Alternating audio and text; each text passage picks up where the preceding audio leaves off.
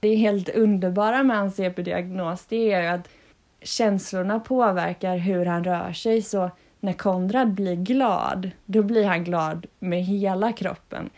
Alla som ser det förstår ju hur, hur varm man blir när man ser den där fullständiga lyckan bara sprätta i hela kroppen.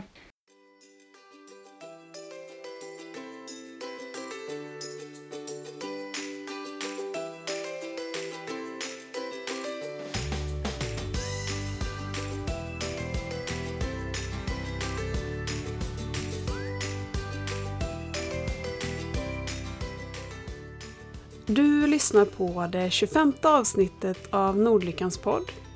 Om du vill sponsra podden och samtidigt gillar de muggar och tygpåsar som jag har tagit fram med den unika funkisstjärnan så går det att förbeställa genom att skicka ett mejl till funkis nordlyckan.com. Jag som driver den här podden heter Emma och jag är funkismamma. Och I veckans avsnitt så gästas jag av en annan funkismamma, Victoria. Välkommen! Tack så mycket!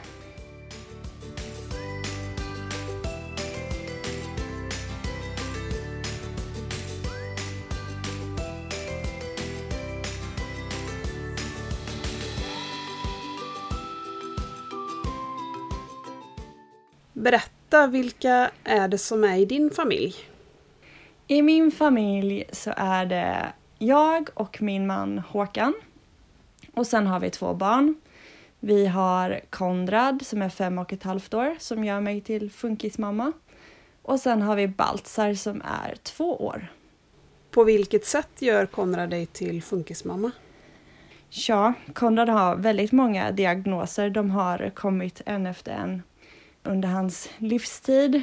Men eh, för att nämna några lite större diagnoser så har han eh, en CP-skada han har hydrocefalus, alltså det man brukar kalla för vattenskalle. Han har epilepsi och så har han diabetes typ 1. Och hans CP-diagnos, när förstod ni att det var en sån diagnos han skulle få? Alltså det tog ändå ganska lång tid. Konrad är förmodligen född med en cysta i hjärnan, eller om den kom strax efter han föddes som eh, stoppade flödet ja, i hjärnan vidare eh, i ryggmärgen. Då. Den gjorde ju att han fick det man kallar för vattenskalle eller hydrocefalus. När man väl fick veta att han hade det vid fem och ett halv månad ungefär, då trodde man att eh, hans eh, dåliga motoriska utveckling berodde på det och att det skulle gå över när han, eller bli bättre, komma ifatt och så, när han eh, väl hade börjat behandlas för sin hydrocefalus. Så eh, jag kan säga att vår första misstanke som jag började få var kanske runt åtta, nio månader, men då hade vi inte de flesta läkarna med oss på det, utan de flesta trodde att han skulle bli helt återställd. Det här som kallas för vattenskalle, hur upptäcktes det? Nej, det var ju det det inte gjorde. Konrad, han eh, skrek egentligen från det att han föddes i stort sett. Han sov dåligt och han skrek hela tiden. Och jag kände att någonting var väldigt fel. Så jag sökte akut vård. Kanske en eller två gånger i veckan på akuten i Halmstad då. Där med mycket till BVC och var orolig. Liksom det började då med att han skrek och sen så att han liksom långsamt gick framåt i motoriken och sen bakåt igen. Hans huvudomfång växte och så det var massa saker som hela tiden liksom byggde på min oro och han fick lite konstiga andningsuppehåll och sådana saker. De första läkarna som jag träffade på akuten skrev redan då i Konrads journal att vi var hysteriska föräldrar så att det var ingen som lyssnade på oss utan de eh, sa att han hade kolik och att han var bortskämd och att det berodde på mig att han skrek att jag alltid hade honom i famnen och vi gjorde massa utredningar om mjölkproteinallergier och, och så vidare. Men egentligen så trodde man mest att jag hade någon psykisk svacka. Så det var först när Konrad var då fem och en halv månad och vi var hemma, både Håkan och jag som tur var den dagen, så eh, ökade trycket så mycket i hjärnan då att han fick ett jättestort krampanfall och blev helt blå. Slutade andas och blev bara stel som en pinne. Så då trodde jag att det var kört och jag visste inte vad det handlade om. Men som tur var träffade vi en läkare på akuten efteråt med ambulansen in som inte hann läsa vår journal utan eh, lyssnade på oss och gjorde en eh, CT där man då såg hur det såg ut i hjärnan. Och då fick vi akut hjälp. Och hur kändes det under den här tiden när du inte blev tagen på allvar? Alltså det är en så fruktansvärd tid för att bara det att bli mamma för första gången är ju någonting som är väldigt speciellt. Det är roligt men det är också man känner sig helt vilse i rollen och när då alla samtidigt berättar att man ja, du får gå till en psykolog, nu får du sluta, ditt barn är friskt, kan du inte bara liksom erkänna det? Äh, till slut, efter några månader, så började jag faktiskt tro att det var jag som hittade på att han var sjuk, att det var liksom jag som var psykiskt sjuk. Så det kändes, det kändes fruktansvärt och det blev också väldigt svårt mellan mig och Håkan. Han hörde vad läkarna sa, samtidigt lyssnade han ju såklart på mig. Han trodde ju hela tiden på mig men man vill ju inte tro heller att ens barn är sjukt eller att något ska vara fel så det var en jättetuff tid. Och sen tänker jag att man har ju hört mycket om förlossningsdepressioner och han kanske hade det i bakhuvudet. Absolut, det, det hade han säkert och läkarna var ju liksom han förklarade väl det väldigt mycket så och BVC, det var väl eh, en sköterska på BVC som lyssnade på mig ganska mycket eller hon, hon tog mig på allvar och hon ringde även in till akuten och bad att de skulle titta på Konrad och hon mätte hans huvudomfång flera gånger i veckan för att det ökade från att han var tre månader till ja, fram till att han då fick det här upptäckt vid fem och en halv månad. Så ökade det och ökade och ökade så hon trodde ju på mig hela tiden men eh, resten av eh, läkarkåren och sköterskorna trodde ju inte på mig så jag skickades ju till en psykolog. Men eh, hon konstaterade ju snabbt att jag inte hade någon psykos eller någon förlossningsdepression eller någonting sånt utan att det bara handlade om att jag var väldigt orolig för mitt barn. Har du fått någon ursäkt av någon i efterhand? Nej, det kan man inte direkt påstå. Vi har väl krävt det. De har ju gjort lex Maria-anmälan på sig själva. Men det hjälper ju knappast oss. Vi hade en läkare som väl var ansvarig på sjukhuset för Konrad till stor del. Och jag minns att han, jag ringde honom en gång och då hade Konrad säkert skrikit i sex timmar liksom. Och jag var så ska jag ringa ambulansen sa jag till honom för jag tänkte att jag vet att bebisar kan skrika men liksom det där var, det var hemskt. Och han sa bara nej, ta på dig ett par hörselkåpor och, och liksom gå ut med barnet. Eller liksom så så då, ja, nej, jag, kan inte, jag har ställt honom mot väggen senare och jag har väl sett att han kanske blivit mm, berörd men jag kan inte påstå att jag känt att någon verkligen från hjärtat har eh, bett om ursäkt direkt.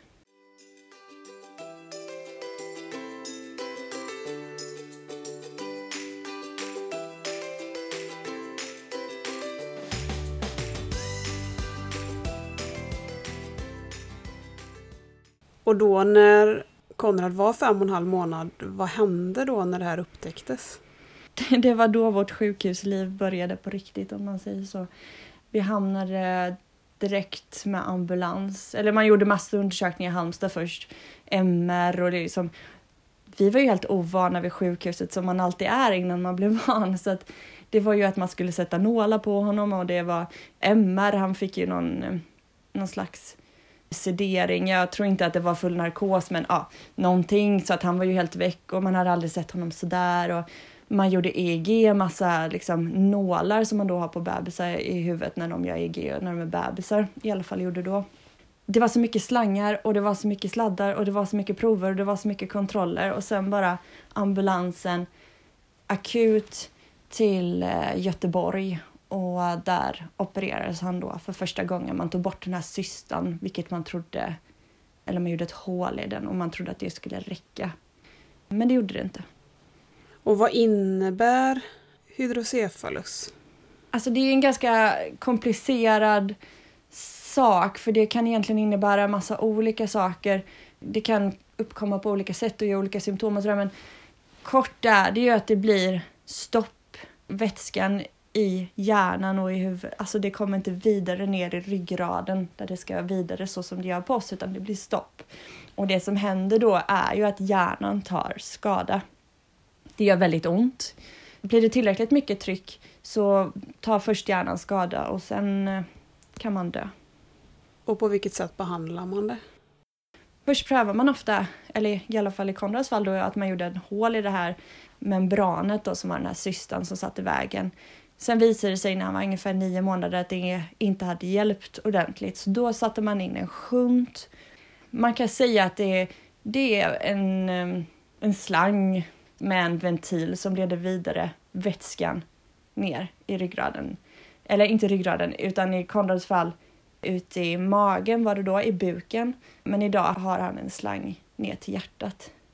Men man kan, man kan göra det här på olika sätt, men det viktiga är att man leder vätskan bort från hjärnan vidare och oftast då i buken. Och visst har ni haft mycket problem med den där, säger Ja. man, shunt? Alltså, alla säger väl olika. Jag säger shunt. Ja. Men jag tror man kan säga beroende vad man kommer Det är så ifrån. svårt med den där stavningen att veta hur man ska Den säga. är väldigt svår. Den är jättesvår.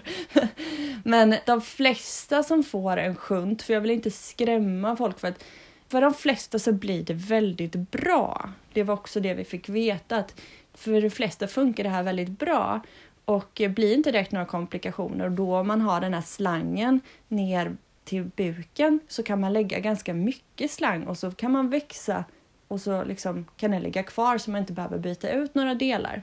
Men för vissa, ett fåtal, så funkar det inte alls bra. Och Konrad är en av dem. Alltså jag kan inte ens beskriva alla olika fel som det har blivit för honom men det har varit otaligt många stopp och det har varit infektioner och det har varit att det har gått sönder och han har haft så svårt att få rätt inställningar och rätt ventil för honom. Det finns ju givetvis massvis med märken och det släpper igenom olika mycket flöde och olika mycket tryck blir det och så. Så att vi har ju legat, på grund av sjunten, så har vi lätt legat ja, totalt två år på sjukhus. Och är den inopererad i hjärnan då, alltså i huvudet? Ja, man ser den under, man ser den under huden. Där är själva ventilen och ett membran som man kan liksom sticka i eller så. Och sen så är det då en slang som går in i, eh, i hjärnan eller liksom så. Ja, så leder vidare vätskan. Men man kan se det under eh, huden, speciellt eh, när man är nyopererad och håret är kort och så. Och hur är det att ha ett barn som behöver göra operationer som är kopplat till hjärnan? Ja. Nej, alltså nu har man ju... Nej, jag kan inte säga att jag har vant mig, för det gör man aldrig. För man vet ju vilka risker det varje gång är. Det är ganska overkligt och vi måste alltid vara uppmärksamma på hur han mår. För blir det en akut infektion, han har haft blodförgiftning till exempel och det har spritt sig, då blir det ju genast väldigt allvarligt.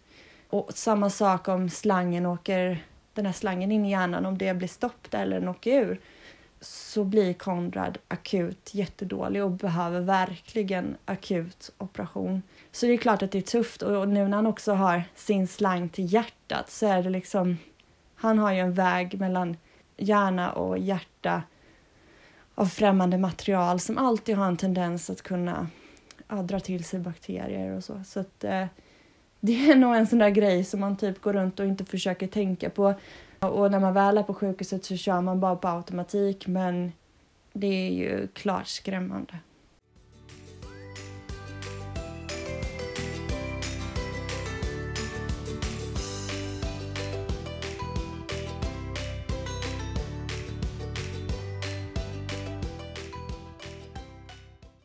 Och vilken typ av CP-diagnos är det han har?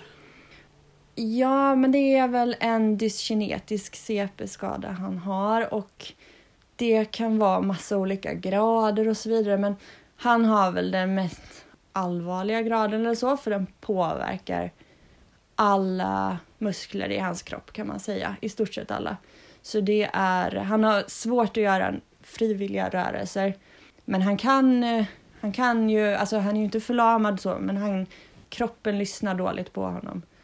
Så det är därför han, han kan till exempel inte prata fast han har börjat säga mm istället för ja och kan också äta lite och han har knapp på magen då som han matas via men det positiva med dyskinetisk CP är ändå att det under lång tid, egentligen kanske hela livet, kan utvecklas motoriskt långsamt, långsamt och nå nya framsteg även som vuxen.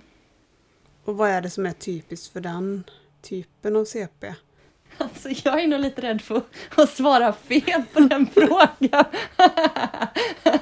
nej, jag, nej, jag ska faktiskt inte riktigt uttala mig om det för att det jag dock kan säga är att jag är väldigt expert på Konrads CP naturligtvis och så, men man får väldigt, väldigt, väldigt lite information från habiliteringen och så vidare om de olika CP-skadorna, om de olika liksom, eh, graderingarna i de olika kategorierna och så vidare. Så att jag tror att ganska många, precis som jag, vet bara ens eget barn och vad den har och hur den påverkas av sin skada. Men jag vet faktiskt inte riktigt vad som är det rätta svaret på det.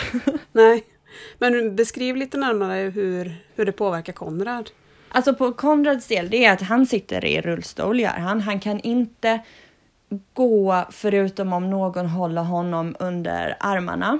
Men det är vanligt när man har dyskinetisk att eh, benen korsar sig. Man har så här korsgång så att det är svårt för honom att gå liksom ett steg fram, ett steg fram. Det blir mer som på en catwalk liksom, framför fötterna sådär. Mm. Det kan han göra om han får 100% hjälp. Men sen har han ju även att han eh, har växelvis spänningar med hög tonus. Alltså att han blir väldigt spänd. Och sen nästa sekund så kan hans muskler slappna av helt. Så även om han skulle lära sig att gå så skulle det vara väldigt svårt att kontrollera de här spänn, alltså växlingarna i tonus. Att han liksom går från att vara spänd till att bara musklerna bara blir helt avslappnade. Han skulle liksom kunna trilla ihop. Så det är det. Sen är han väldigt spastisk också, för det är det man kan vara lite olika i sina diagnoser. Man kan ha lite olika, inte bara en variant liksom. Så att han har ju svårt att föra någonting till munnen eller ta tag i någonting. Han vet precis vad han vill göra med sina händer men de lyssnar väldigt dåligt så det som lyssnar bäst egentligen det är väl eh, hans ena pekfinger på vänster hand. Och sen att han, eh, han kan styra sitt huvud och så. Men eh, kroppen lyssnar jättedåligt på honom. Och sen det helt underbara med hans e CP-diagnos det är ju att känslorna påverkar hur han rör sig. Så när Konrad blir glad, då blir han glad med hela kroppen. Och det är, alltså alla som ser det förstår ju hur, hur varm man blir när man ser den där fullständiga lyckan bara sprätta i hela kroppen. Sen blir han arg med hela kroppen också. Ja. Det är inte lika. Men spastisk, betyder det, är det ofrivilliga rörelser? Nej, det behöver Nej. det inte vara utan det är liksom att musklerna blir eh, spända liksom. Ah, okay. Han har inte så mycket ofrivilliga rörelser utan det är mer att de inte lyssnar men man kan ju ha ofrivilliga rörelser att armarna vevar eller olika sådana saker men det har Konrad inte så mycket av. Och hur är det med hans ögon? Kan han hantera en ögonstyrning på dator och så? Ja, men hans eh, ögon är hundraprocentiga och han kan absolut styra ögonstyrning med ögonen. Sen eh, tycker han att det är lite tråkigt, ja. så han gör inte så jättegärna det. Men han kan det. Så det jobbar vi stenhårt för, för att han är ju fem och ett halvt och skolan är ju, ja, det börjar ju lite smått när man är sex, eller ja, till nästa höst då. Och sen så börjar han ju första klass. Så att, eh, det är någonting vi verkligen försöker eh, få honom mer intresserad av för att det känns som en väldigt viktig grej för honom. Han är ju en väldigt smart kille så jag tror att han skulle ha inga större problem att börja lära sig läsa så snart men då känns det ganska viktigt att han kan styra sin ögonstyrning och lära sig och också säga vad han vill genom den. Och går han på förskola nu, Konrad? Ja, det gör han. Han går på en, ja, en helt vanlig förskola som ligger granne med den skolan det är tänkt att han ska gå på. Mm. Så i dagsläget så tror man inte att Konrad har någon intellektuell funktionsnedsättning. Men man ska göra en utredning nu inför skolstarten då när han har fyllt sex och försöka utreda det bättre. Men eh, det kan inte vara någon stor intellektuell funktionsnedsättning om man skulle ha någon för att han är ändå så pass tydlig i sin kommunikation att vi märker att han förstår ju allt och också har lärt sig mycket och kan mycket och sådär. Så vi får vänta och se helt enkelt. Och på vilket sätt gör han sig förstådd? Ja, dels är det då lite genom ögonstyrningen men det är ju inte så mycket som vi önskar. Han är väldigt tydlig med sitt kroppsspråk. Han liksom kan eh, titta på saker, ibland nästan peka eller liksom styra kroppen mot det han vill.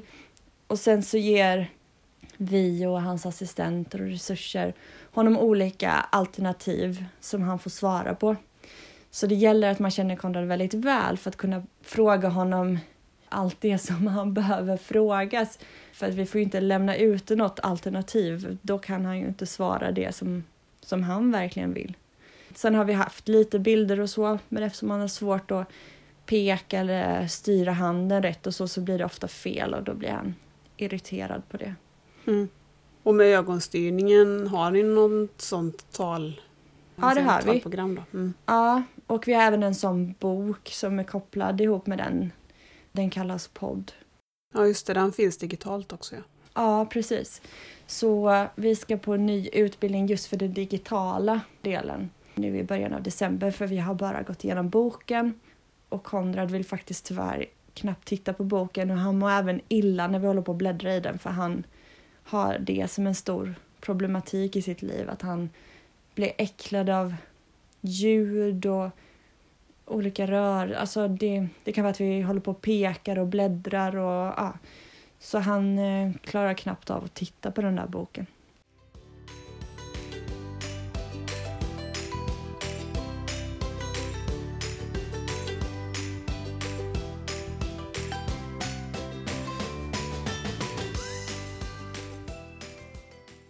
Och vad är det som gör att det triggar ett illamående? Man vet inte riktigt. Men när Konrad var kanske närmare ett år så gjorde man en operation i hjärnan. Man bytte någon del i skunten eller vad det var, jag kommer inte ens ihåg. Och efter den operationen så ville inte han äta längre. Han hade alltid ätit helt okej, okay, liksom puréer och gröt och han ammade och sådär. Men ehm, då slutade han att äta successivt. Och när han var ett år så fick han en knapp och det var då illamåendet och kräkningarna började precis samtidigt med knappen. Och sen har det pågått då sedan han var ett år. Så man tror att det är en kombination av antingen att man kommit åt någonting i hjärnan, någon del. Mm, jag vet inte om det är någon nerv eller hur det kan... Eller om man har kommit åt vagusnerven när man satte knappen i magen. Och sen så tror man då att det är en kombination då med hans hjärnskada som man har. Att han är överkänslig, hans nervsystem är överkänsligt. Han hör bättre, han liksom känner dofter på något annat sätt. Han känner strukturer, liksom om han känner med handen, han känner material och så på helt andra sätt. Så att, helt ärligt är det ingen som har ett riktigt svar och sen han var ett år har vi och sjukvården kämpat med att försöka hitta en lösning. För Konrad eh, kräks absolut varje dag, även bra dagar så kräks han många gånger per dag och mår väldigt illa. Och det påverkar, ja, det påverkar hans liv otroligt mycket. Ja, det förstår jag. Det måste vara, ta väldigt mycket kraft att vara illamående, det vet man ju själv, och vara det konstant. Ja, det känns faktiskt som eh, jag vet inte. Det, det har väl inte fått någon riktig diagnos men det känns som hans värsta, största problematik för att det kan ju räcka att han är på förskolan och en kompis tar upp en pinne som de vill visa honom och då kan han bara kräkas rakt ut och då med sitt rörelsehinder, att han inte kan styra sin kropp så slängs han automatiskt bakåt. Huvudet kastas bakåt, liksom som, bakåt som en ostbåge och så kräks han. Så hade han inte ständig tillsyn, vilket han har, så skulle han eh, lätt kunna få ner kräk i lungorna eller liksom kvävas. Och sen har ju Konrad diabetes också och det tänker jag att det måste väl vara problematiskt ja. också då om han spyr mycket. Det är otroligt problematiskt och jag kan säga att det, det kändes som eh, dödsstöten. Det var, han fick sin diabetesdiagnos ja, det var tre veckor innan lillebror Baltzar skulle födas med kejsarsnitt. Oj. Och uh, det var en sån här 2018 var en av de där varmaste somrarna på typ 350 år eller vad de nu har sagt. Så det var tuffare än uh, jag någonsin skulle kunna tro och jag vägrade faktiskt till och med att inse att han hade fått diabetes typ 1. Jag bad dem göra om proverna flera gånger och försökte hitta ursäkter för att vad det kunde bero på och jag satt och googlade. Alltså jag, jag förnekade det så länge som jag bara kunde för att jag, jag vägrade acceptera det. Och precis eh, som du säger, kräkningar och diabetes är en otroligt farlig och jobbig kombination. Liksom. Så det, det har varit så tufft. Och hur upptäcktes diabetes? Berättelsen på honom? Ja, i och med att Konrad alltid haft så mycket shuntstrul och detta var ju då när han var strax över tre år och det var den här sommaren. Och jag var så glad för helt plötsligt hade Konrad börjat dricka. Han drack då nästan ingenting men han hade börjat dricka massvis med festisar. Det är svårt för honom, han kan inte suga ett sugrör men tillsammans när jag tryckte på festisen och han försökte klunka. Han drack och han drack och han drack. Så jag var så himla glad och kände att nu är vi på väg framåt. Samtidigt började han gå tillbaka och sova mitt på dagen, vilket han inte hade gjort sedan han var säkert två och ett halvt. Och eh, han började bli gnällig, han sov dåligt på natten, han började kissa igenom så jag började köpa större blöjor. Han blev slö och sen liksom blev det mer och mer. Detta var ju bara kanske under eh, ett par veckor veckor. Vi var väldigt snabba på det eftersom vi är så uppmärksamma på honom jämt. Så vi åkte in en sommardag. Jag bara sa till Håkan, nu åker vi till akuten. Och han sa, varför då? Okej, han mår inte riktigt som vanligt, men ska vi verkligen åka till akuten? Jag sa, vi måste åka till akuten för att det kändes som att han gick från att må ganska smådålig till att bli väldigt dålig. Och då kom vi in till akuten och vi var helt säkra på att det var sjunten som alltid. Det var liksom det enda vi misstänkte. Och vi träffade en läkare som vi har träffat innan och hon trodde också på oss för hon vet ju att det brukar vara ett problem. De skulle skicka oss vidare till Göteborg. Men så sa hon, jag måste bara ta ett eh, urintest också för det måste vi göra på alla på akuten så vi inte vet vad det är. Så att man inte har urinvägsinfektion. Och jag bara, ja, ja, ja, liksom, han kissade i någon mugg ja, och sådär. Det gick ganska snabbt för han var ju så kissnödig hela tiden, den rann ju rakt igenom. Och sen bytte de av varandra. kom en läkare in och så, så, sa, så sa han bara att jag tror att eh, Kondra har fått diabetes. Ja, och så började hela den mardrömmen.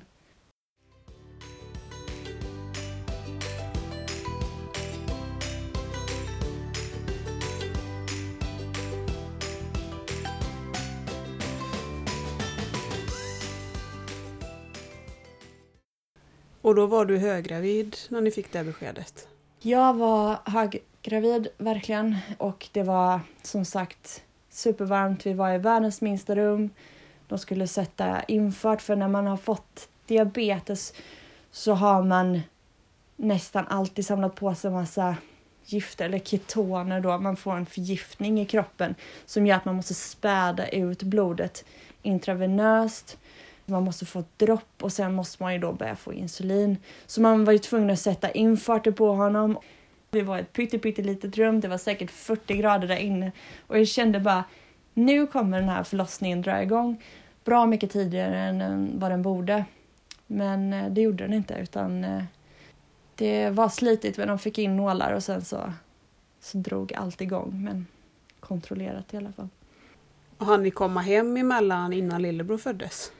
Vi hann väl vara hemma lite för vi hade ju ingen som kunde ta Konrad så planen var ju att alltså förlossningen var ju med och, och, planerade när snittet skulle läggas för att det skulle kunna vara när Konrad var på förskolan för att där hade han en resurs.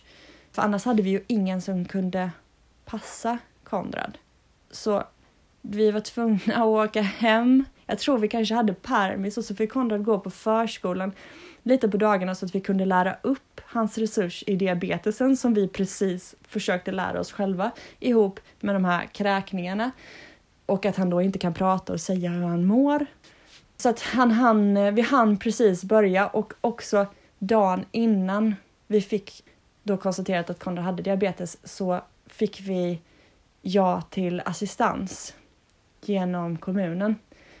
Så samtidigt som vi var på sjukhuset så började vi dra igång massa intervjuer för vi insåg att vi behövde ha en assistent omgående då som kunde hjälpa till dels när det var dags för förlossning men också när vi kom hem och sådär.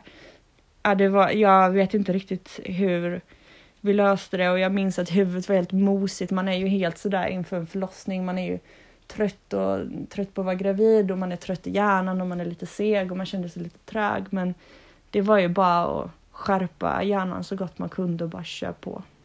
Och det låter som en otroligt intensiv period.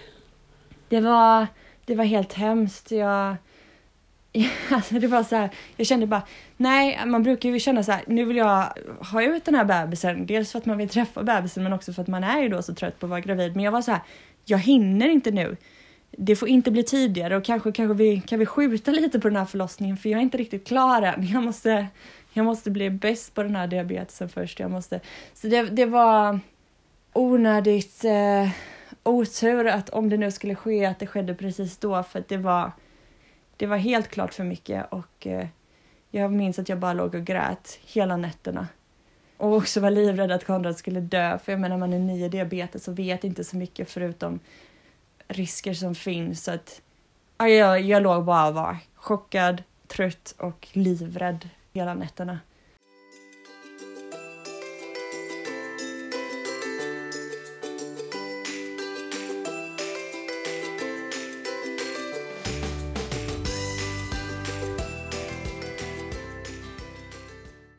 Men hur blir diabetesen? Blir det mer komplicerat om man bortser från kräkningarna, men blir det mer komplicerat i kombination med hans andra diagnoser än om han hade varit ett typiskt barn?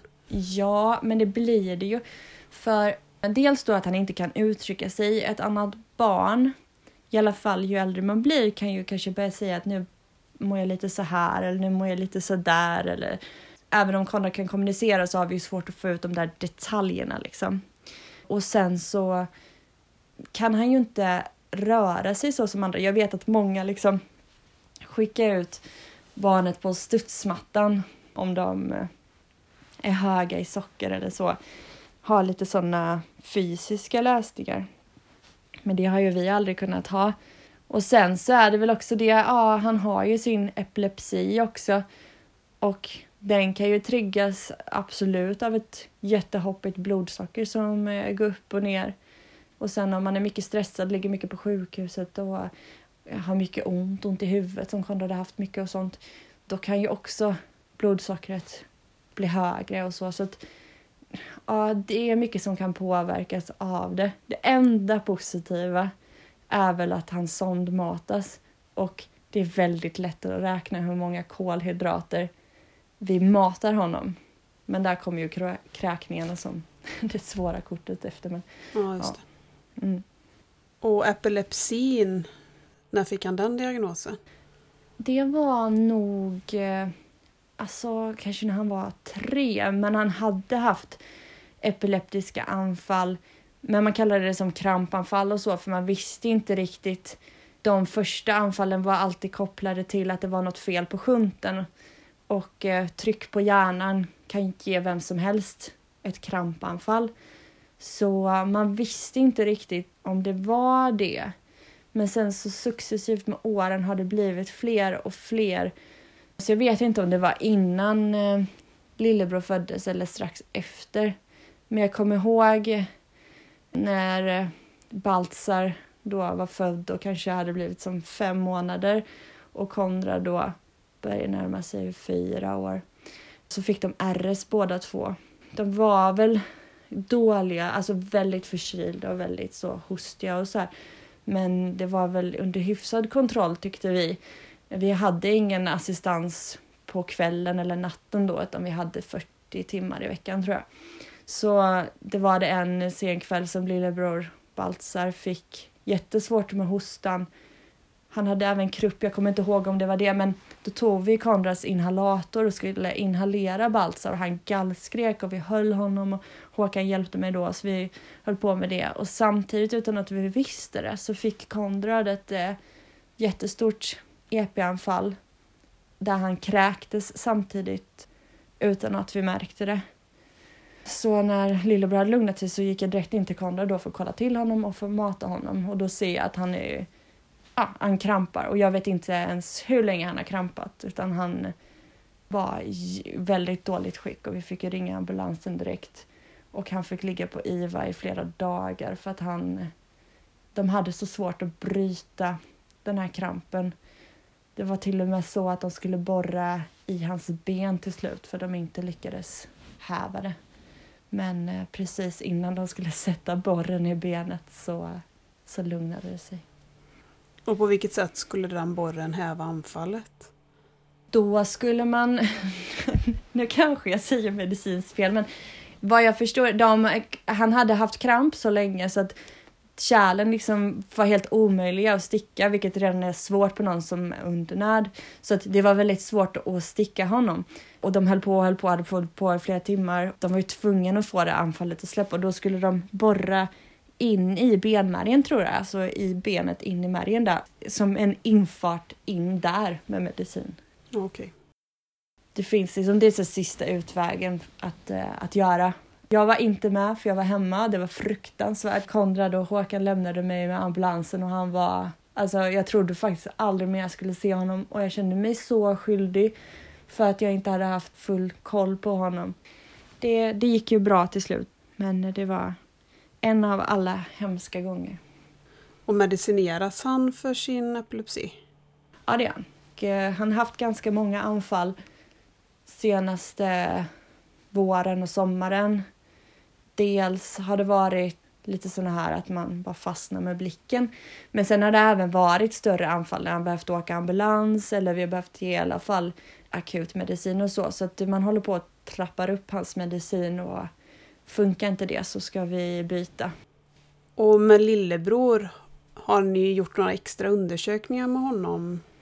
Ja, det har vi. Dels eh, under graviditeten så bad vi att få extra koll. Så då fick jag liksom gå på lite extra, någon extra ultraljud och träffa någon eh, läkare mer än någon annan och sådär. Men allting såg bra ut och huvudomfånget var bra och sådär. Så att det var inte så mycket mer med det, men sen så självklart hade han kolik när han var liten bebis. Så vi började ju bli lite lätt oroliga ändå när han också började skrika. Men eh, vi fick träffa Konrads neurolog, samma som Konrad har, som undersökte och eh, faktiskt så går han där lite ibland fortfarande. Men det behövs verkligen inte längre. Men, men vi, var, vi var lite, lite oroliga i början och så, men eh, det släppte ändå ganska snabbt för att han, han visade utveckling fort.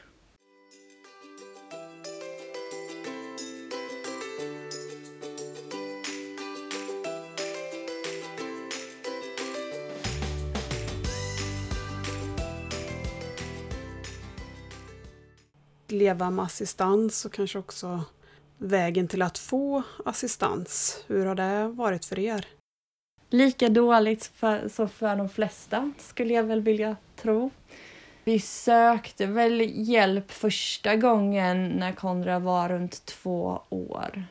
Han kunde nästan inte gå på förskolan för att han opererades typ hela tiden och var dålig och sånt så att han var liksom inte på förskolan nästan förrän han var två och ett halvt kanske han började lite mer eller så. Men, så vi sökte då, men vi fick avslag. Jag vet att vi var med i något reportage på tv, SVT Halland.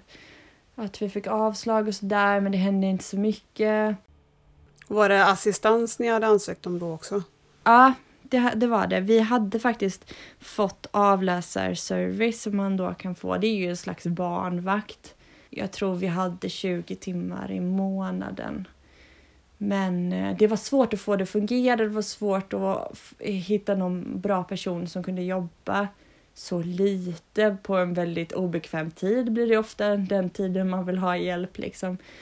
Det blev aldrig riktigt bra. Men det var aldrig något svårt för oss att få avlösa service faktiskt. Men när han då var två, då var det assistans vi sökte genom kommunen. Men vi fick avslag och sen orkade inte vi göra så mycket mer med det, för det är redan så mycket med ja, det var ju alla vårdbidrag och det var all sjukhuskontakt och det var allting redan liksom. Så att vi gjorde inte så mycket mer med det utan vi gav lite granna upp. Men när jag sen blev gravid med lillebror Baltzar så, så gjorde vi ett nytt tag och kände att för att detta ska bli rättvist för Konrad och för familjen så skulle vi behöva assistans. Och den utredningen tog hur lång tid som helst och vi fick avslag först och sen så fick vi söka igen och jag kommer inte ens ihåg hela den. Det är nästan lite svart den tiden för att det var så här så mycket stress och så mycket papper som skulle in och så mycket samtal och så mycket liksom utfrågningar så att när han var då tre år och kanske fyra månader eller vad det kan bli, då fick vi i alla fall av kommunen 40 timmar i veckan. Men då gick han heller inte så jättemycket på förskolan. Jag tror han gick 20 timmar i veckan eller någonting sånt där. Och hur många timmar hade ni ansökt om? Dygnet runt. Ja. Mm. Så i jämförelse med det så tyckte ni att det var bra eller tyckte ni att det var alltså, dåligt? Jag tror först var det ändå så här Yes, vi kommer överleva. För det är ju det, alltså man får ju aldrig släppa Konrad med blicken och jag började inse liksom, jag, jag ska byta blöja på Baltzar. Konrad kan inte se det utan att han kommer kräkas. Ska jag ha båda samtidigt? Vem ska jag hjälpa? Han som ramlar ner från skötbordet eller han som kräks? Alltså jag liksom insåg att det skulle bli väldigt farligt för Konrad. Och svårt för honom eftersom han behöver någon som hjälper honom att styra kommunikationen för att man ska höra vad han säger och sådär. Så alltså jag ska inte säga att jag var nöjd med de 40 timmarna, men jag var glad att vi fick någonting för att det var ju så mycket skräckhistorier då ändå. Men vi fick ju det beslutet precis innan han eh, hade fått sin diabetesdiagnos så att eh, läkarna skickade direkt, hjälpte oss och skickade direkt nya papper och, och så. Så att eh, i december samma år då, 2018, så fick vi 62 timmar tror jag det var. Vilket vi kände oss till att börja med ändå ganska nöjda med. Och när är det man får assistans via kommunen och när är det Försäkringskassan beviljar? ja, det där är också... Det är så här med grundläggande behov. måste vara 20 timmar minst för att, för, i veckan då för att Försäkringskassan ska ta över det och sen kan de då ta alla timmar över det. Så eftersom vi fick 62 timmar så hjälpte kommunen oss. Och jag kommer inte ihåg hur många timmar som var jag vet inte hur många timmar vi hade, men det var, det var i alla fall över 20. Så då hjälpte de oss att göra en ny ansökan till då Försäkringskassan. För de vill ju inte ha de timmarna när det blir för många. Det handlar om vem det är som ska betala? Det handlar bara om vem som ska betala. Så medan vi väntade på deras beslut fick ju kommunen betala och vi fick också först avslag från Försäkringskassan och då fick kommunen fortsätta betala det beslutet som de hade gett oss.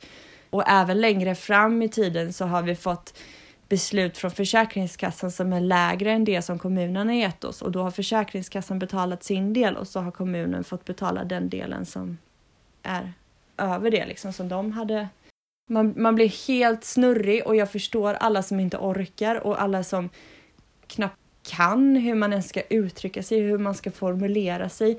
Det känns som att de vill att man ska sättas dit många gånger, liksom. att man ska snubbla på orden eller misstolkas eller sådär. Så att det, eh, det är en sjukt jobbig grej att gå igenom. Jag fick ont i magen varenda gång både kommunen och Försäkringskassan ringde för att dra det kort, för historien om vår assistans är så himla lång.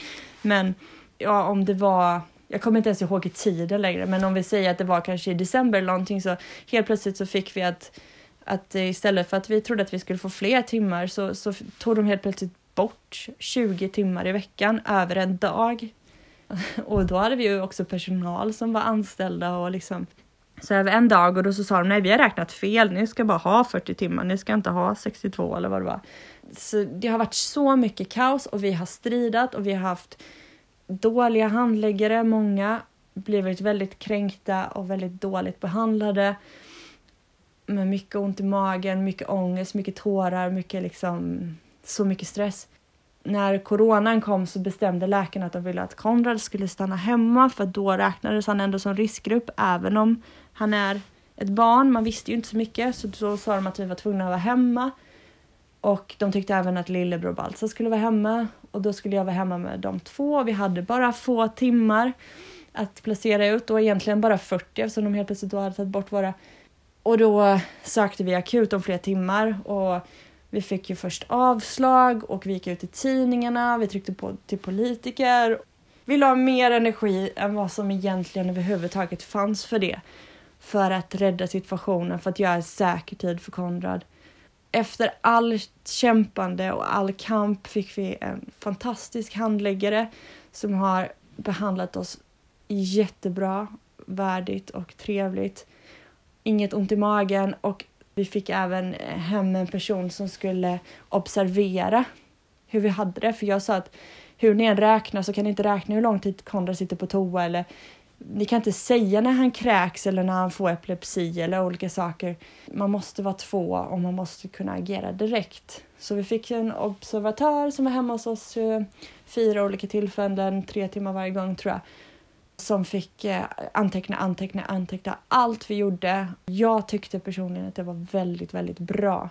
Och då fick de en helt annan insikt hur det var var förälder till Konrad eller hur utsatt han faktiskt är. Efter lite om och men, men ganska fort så har vi fått dubbelassistans. Vi har även dygnet runt assistans så han har vaken natt. Och så har han en assistent som är med honom på förskolan och sen har förskolan en resurs så de är två där också. Ja, just det. Hur har ni valt att göra? Är ni själva arbetsgivare eller är det ett bolag som sköter det? Det är ett bolag. Det hade blivit alldeles för mycket jobb, känner jag. Och jag vill inte blanda mig i assistansen för mycket, även om det är klart påverkar vårt liv och jag måste vara med och styra i det.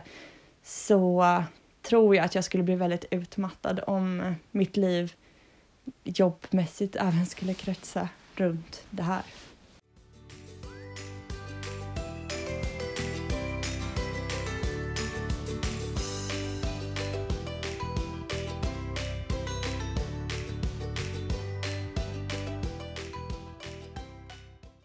Hur skulle du beskriva att det är att leva med assistenter i hemmet? Jag är lite glad att vi fick få timmar först så att vi hann liksom vänja oss successivt.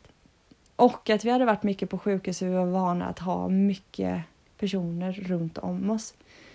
Men eh, jag skulle ändå säga att det är förvånansvärt kul ändå jag försöker att se det positiva i det och det är ändå det som absolut är starkast. Någonstans har vi blivit så mycket rikare för att vi har helt fantastiska assistenter. De är varma, de är personliga på ett bra sätt. Det blir liksom ännu mer kärlek för Konrad och ännu mer omtanke för Konrad.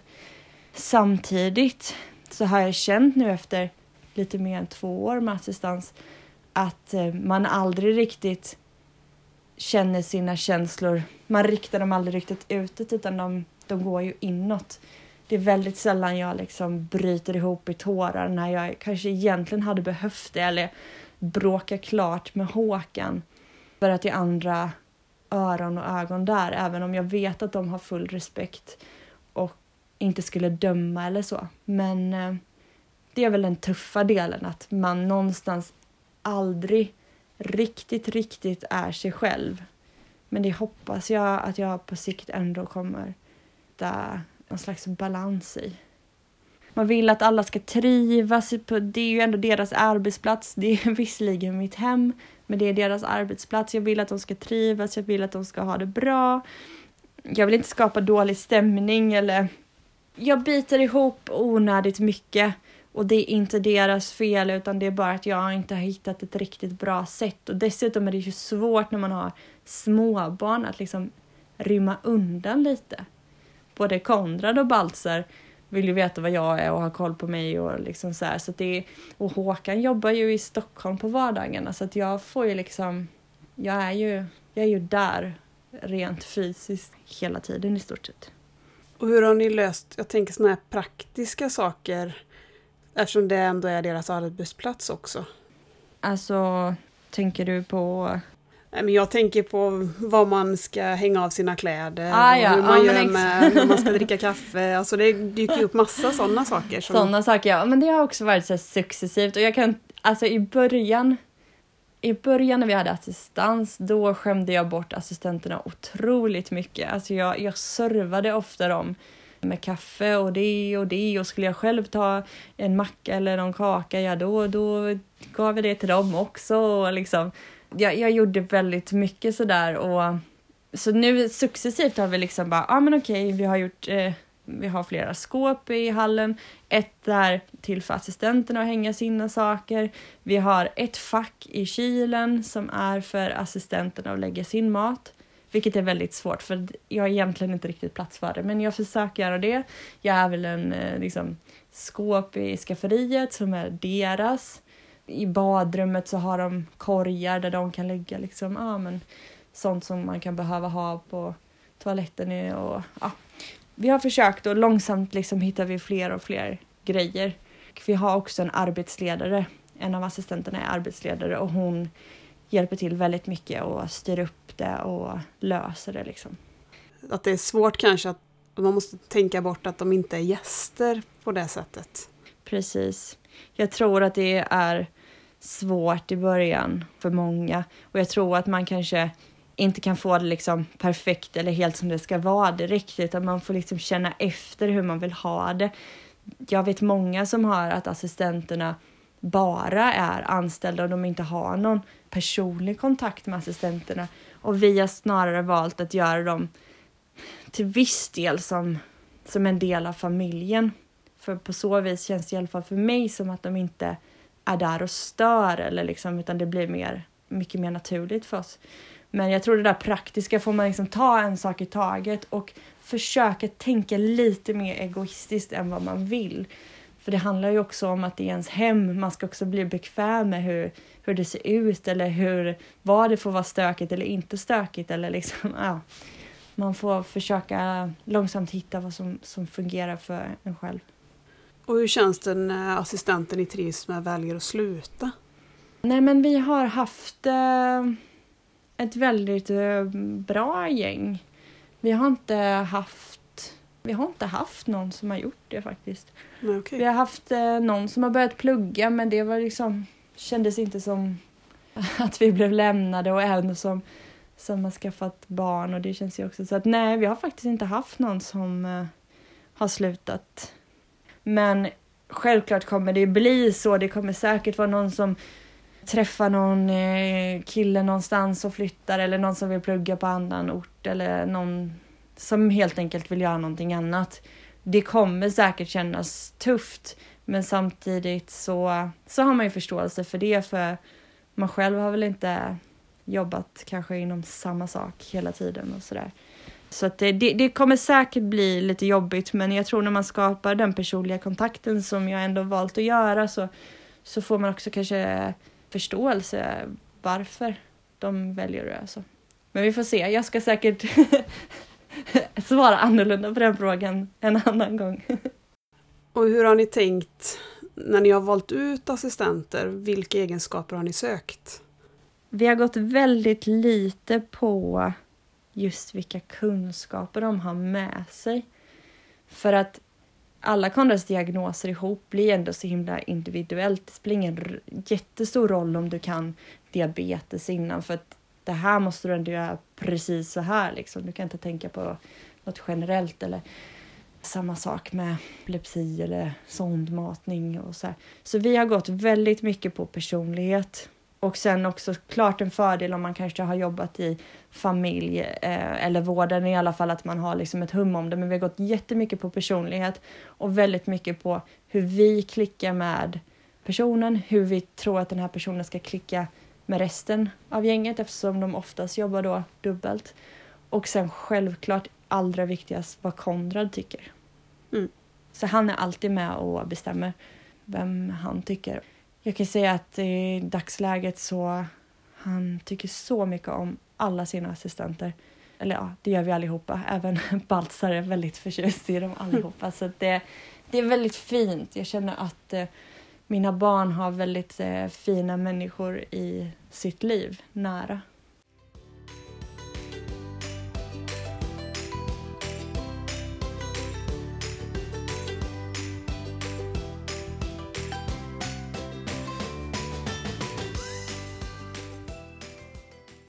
Det går så otroligt fort alltid. Ja, ja, alltså det finns så många delar i detta. Så många saker som jag utelämnat för att det inte ska bli för långt. För att eh, det, finns, det finns mycket. Men det kommer en bok sen. Ja, just det. Du håller på att skriva en bok, ja. Ja, men den handlar helt enkelt om eh, vår resa i stort. Och också lite så här eh, tips till eh, personer i någons närhet där någon eh, liksom är med om någon slags kris eller har barn som eh, blir sjuka eller får någon diagnos eller är mycket på sjukhus. Alltså vad man kan göra eller hur man kan överleva att vara på sjukhuset tre månader hela sommaren. Och, ja. Så jag, jag har försökt så här, vad kan jag dela med mig och hjälpa andra med? Men eh, den är inte färdig, det tar tid att skriva, det blir väldigt mycket känslor när jag sitter och går igenom allt som vi har gått igenom. Och eh, jag har inte bestämt mig för något förlag eller så, så att vi får se. Den kanske aldrig kommer eller så gör den det. Jo, det tror jag det kommer göra. Jag hoppas det. Spännande. Mm. Jag är bara alltid lite nervös att, att eh, uttrycka, alltså att trampa på några fötter och sådär, att trampa på några illa tår. Liksom, det, det, ja. När man berättar sin historia så finns det kanske alltid någon som man kan såra eller sådär men eh, Mm, jag förstår. jag försöker att inte göra det. Och om man vill fortsätta att följa dig och din familj, var hittar man er? Då hittar man oss på Instagram där jag heter Kalasklister som är Konrads kalasklister i Pippi Långstrump. Tack så jättemycket för att du ville vara med. Ja, tack själv och tack för att du har din podd. Ja, tack. Så hörs vi. Ja, men det gör vi. Ha det så bra. Detsamma. Hej då! Om man vill komma i kontakt med mig så kan man skriva till mig på Facebook eller på Instagram under namnet Nordlyckan. Eller skicka mejl till adressen emma nordlyckan.com. Och nästa vecka så är jag tillbaka tillsammans med Angelica och då ska vi prata om skuggsyskon. Puss och kram!